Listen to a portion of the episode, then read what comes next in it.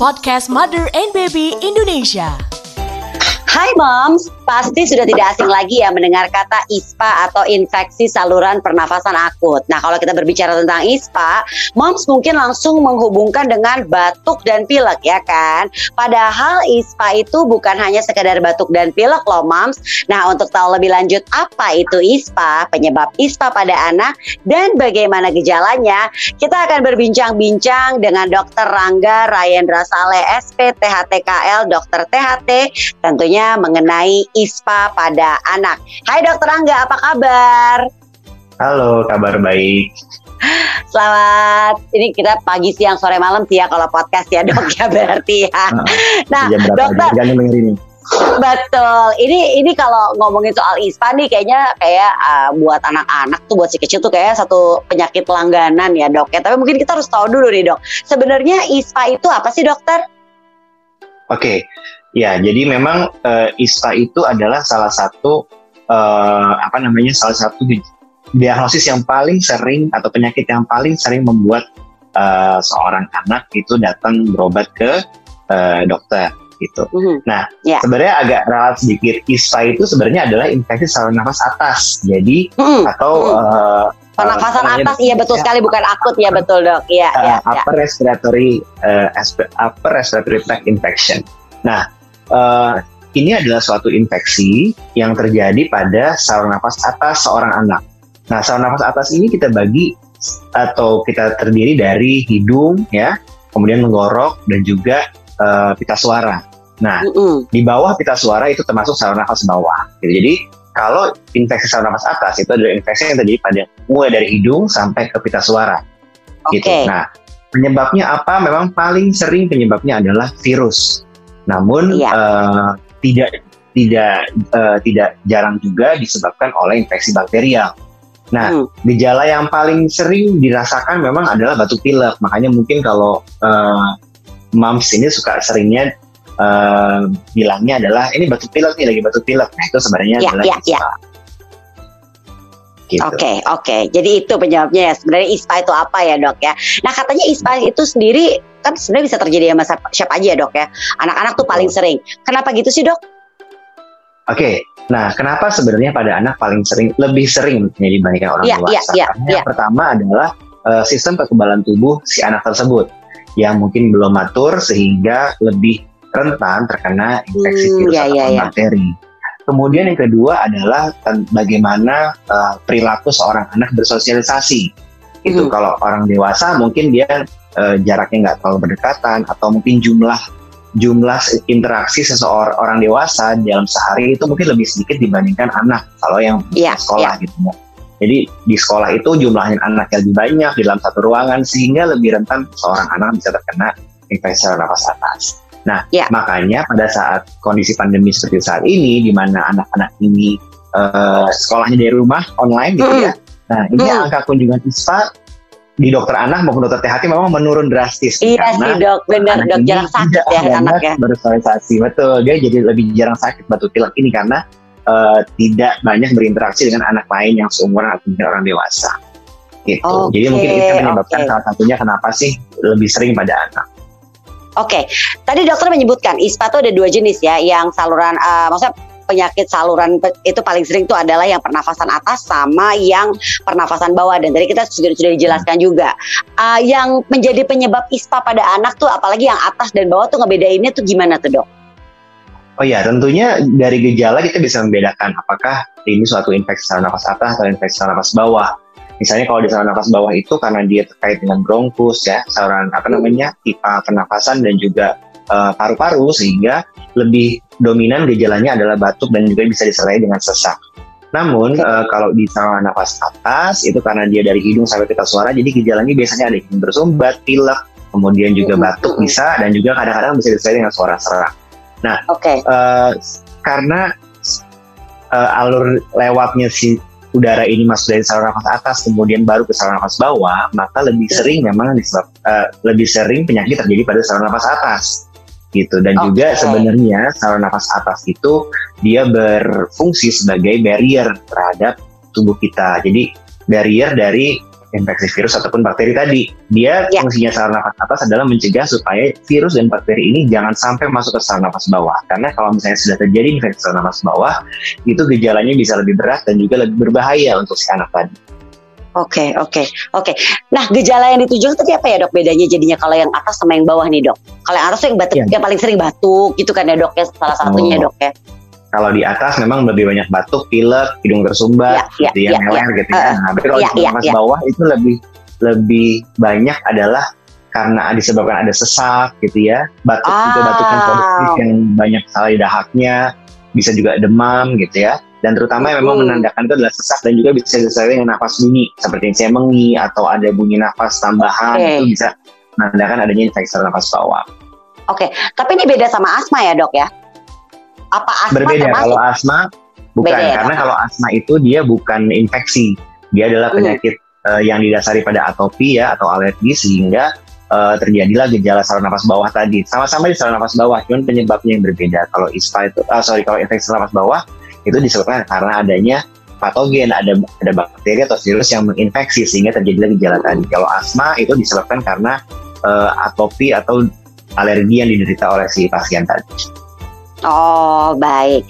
Nah, penanganan untuk ISPA pada anak ini gimana dok? Apakah harus langsung diberikan obat lalu dikasih antibiotik atau sebenarnya ada hal-hal yang bisa dilakukan oleh para moms uh, di rumah gitu? Uh, ya bisa dibilang ini kayak pertolongan pertama atau penanganan pertamanya nih dok. Oke, okay. ya jadi sebenarnya memang paling sering penyebab ISPA pada anak itu adalah virus. Mungkin 90% hmm. lebih itu adalah virus, sehingga pemberian antibiotik itu tidak disarankan sebagai lini pertama. Kenapa? Karena hmm. tadi lebih sering karena virus, buat apa dikasih antibiotik? Karena antibiotik itu hanya efektif terhadap infeksi bakterial. Sedangkan okay. kalau virus dengan antibiotik sebenarnya tidak ber, tidak iya, bermakna yeah, yeah. gitu ya. Jadi mm uh, untuk anak terutama kita tidak langsung berikan antibiotik, tapi kita berikan terapi simptomatik terlebih dahulu. Karena kenapa? Mm Infeksi virus seperti juga virus yang lainnya uh, itu biasanya dia akan self limiting atau sembuh sendiri. Sehingga mm yang harus dilakukan adalah kita meningkatkan imun tubuh si anak dan juga uh, memberikan obat-obatan atau terapi untuk mengurangi gejala yang dirasakan. Nah, okay. uh, tanpa memberikan antibiotik. Kalau misalnya kita mencurigai atau kita bisa melihat tanda-tanda adanya infeksi bakterial, maka baru kita bisa berikan antibiotik. Tapi juga kita harus memberikan uh, untuk durasi yang paling pendek yang memungkinkan dan juga antibiotik yang sesuai dengan bakteri penyebabnya gitu. Karena pada anak ini kita harus berhati-hati karena dengan hmm. pemberian antibiotik yang tidak rasional itu bisa menyebabkan resistensi atau juga bisa ya, betul, pada betul. Nah, kembali okay. ke pertanyaannya, apa sih terapi pertama awal yang bisa dilakukan? Yang pertama hmm. adalah kalau misalnya infeksi saluran nafas atas, karena uh, penyakitnya ini masuk melalui hidung gitu ya. Jadi sebenarnya uh, terapi awal yang bisa kita berikan itu adalah ya dan yang, dan yang paling mudah adalah sebenarnya cuci hidung. Jadi dengan kita melakukan cuci oh. hidung, kita bisa hmm. satu ya, cuci hidung itu mempunyai efek uh, clearance, jadi dia bisa membersihkan ya, ya. dia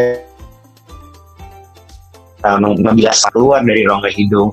Dan yang ya. terakhir juga si cuci hidung ini kalau kita lakukan secara rutin, dia bisa meningkatkan uh, imunitas imunitas tubuh si anak tadi, terutama khususnya okay. imunitas lokal di rongga hidung, sehingga ke depannya si anak tadi lebih uh, tahan atau lebih tidak rentan terhadap infeksi baik virus maupun bakteri di rongga hidung. Oh baik, jadi sebenarnya moms gak perlu langsung panik. Ada hal-hal yang bisa dilakukan dulu di rumah, pertolongan pertama atau penanganan pertama.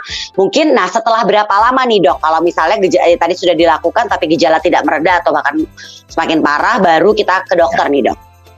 Jadi kalau misalnya kita sudah memberikan terapi uh, istilahnya home remedy ya terapi di rumah. Iya betul. Selama dua kali 24 jam setelah 48 jam itu dia tidak ada perbaikan atau atau bahkan lebih parah baru uh, moms harus membawa anaknya ke dokter anak atau dokter PHT okay. untuk diperiksa kenapa dia tidak respon terhadap uh, pengobatan home remedy yang dilakukan di rumah. Baik, terjawab ya. Nah dok, ISPA itu bisa dicegah nggak sih dok? Karena kan kayak tadi dokter bilang, sekarang sebenarnya di masa hmm. di saat pandemi anak lagi nggak pergi ke sekolah tuh ya dok ya, itu ya. Uh, apa ya istilah penderita ISPA tuh lumayan hmm. turun jauh ya dok ya? Sangat sangat turun sekali sebenarnya. Jadi ya uh, ini kita fenomena yang kita alami amati selama pandemi ini bahwa anak ini selama uh, pandemi lebih jarang batuk pilek, lebih jarang infeksi telinga gitu ya, karena sebenarnya infeksi telinga pada anak itu paling sering disebabkan karena batuk pilek gitu ya. Jadi itu iya, berhubungan. Yeah, yeah. Jadi sebenarnya kan kita bisa lihat bahwa sebenarnya batuk pilek ini bisa dicegah gitu. ISPA ini bisa dicegah. Ya, yang hmm. pertama antara lain dengan membatasi uh, sosialisasi karena sebenarnya infeksi itu terjadi apabila satu ada agen, ada si virus atau bakteri tadi, kemudian yeah. ada penurunan imunitas dari si hostnya atau si tubuh anak tersebut, dan juga ada environment atau ada hmm. lingkungan yang mem memfasilitasi terjadinya penularan tadi. Karena ini kan infeksi, jadi pasti okay. penular dari seseorang. Nah, jadi uh, mungkin nanti ke depannya apabila eh, anak-anak uh, sudah kembali ke bersekolah, tetap protokol kesehatan itu tetap harus dijalankan karena betul, betul. Uh, ISPA ini menular memang melalui uh, apa saluran nafas, melalui ya, udara, ya. droplet, juga tangan yang tidak bersih. Jadi sebenarnya tadi untuk mencuci tangan, kemudian uh, menjaga jarak dengan orang yang sakit, gitu ya, atau memakai masker jika sakit itu sebenarnya adalah sesuatu yang harus dilakukan secara rutin. Iya sih, betul. Karena memang bisa mengurangi ISPA tadi. Kemudian juga itu kan untuk environmentnya ya. Kalau agent mungkin kita nggak bisa ngapa-ngapain karena kan itu virus dan bakteri memang tersebar yeah. ada di udara di sekitar kita. Yeah, Tapi yeah. kalau untuk hostnya, untuk untuk meningkatkan imunitas tubuh satu bisa dengan makan makanan yang bergizi. Jadi anak ini nah. harus di, uh, supply dengan makan-makanan yang yeah, bergizi yeah. dan juga seimbang gitu. Jangan terlalu banyak makan yang uh, fast food gitu ya. Uh, atau yang kurang bergizi lah misalnya yang uh, siap saji gitu ya.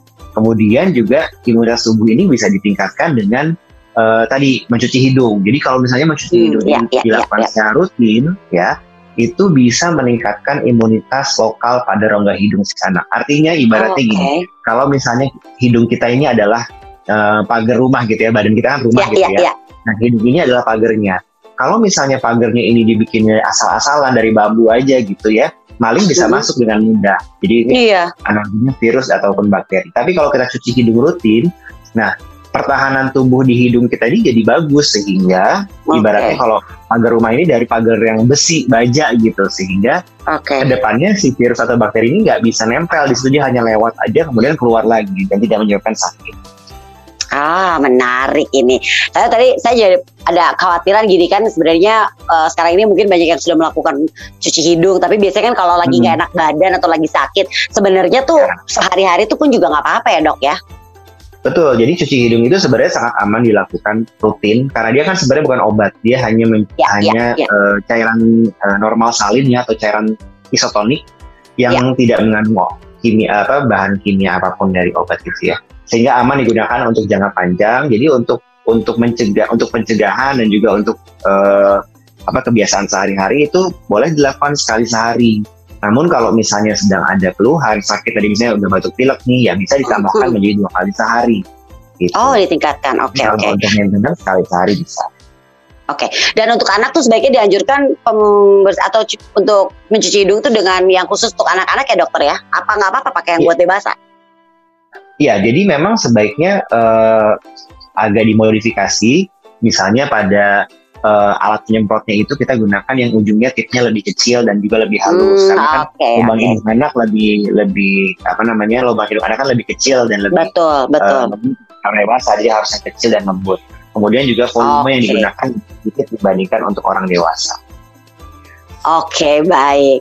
Wah ini udah dapat penjelasan nih kita tentang ISPA atau infeksi saluran pernafasan atas ya dokter ya. Satu iya, uh, istilah tuh ya penyakit langganan anak-anak sebenarnya ya dokter. Ternyata itu betul, bisa dicegah. Ini terbukti di saat lagi masa pandemi ini tuh banyak anak-anak yang ya jadi jarang sakit ISPA ya dokter ya. Dokter Rangga, terima kasih banyak ya atas penjelasannya ngobrol-ngobrol di podcast Mother and Baby Indonesia membahas ISPA pada anak. Sehat selalu dokter. Terima kasih. Terima kasih. Terima kasih. Thank you for listening to podcast Mother and Baby Indonesia. Untuk info menarik lainnya, klik www.motherandbaby.co.id serta follow Instagram dan Twitter at motherbabyInd, Facebook Mother and Baby Indonesia, dan subscribe YouTube channel Mother and Baby Indonesia. Mother and Baby, the leading pregnancy, baby, and children media.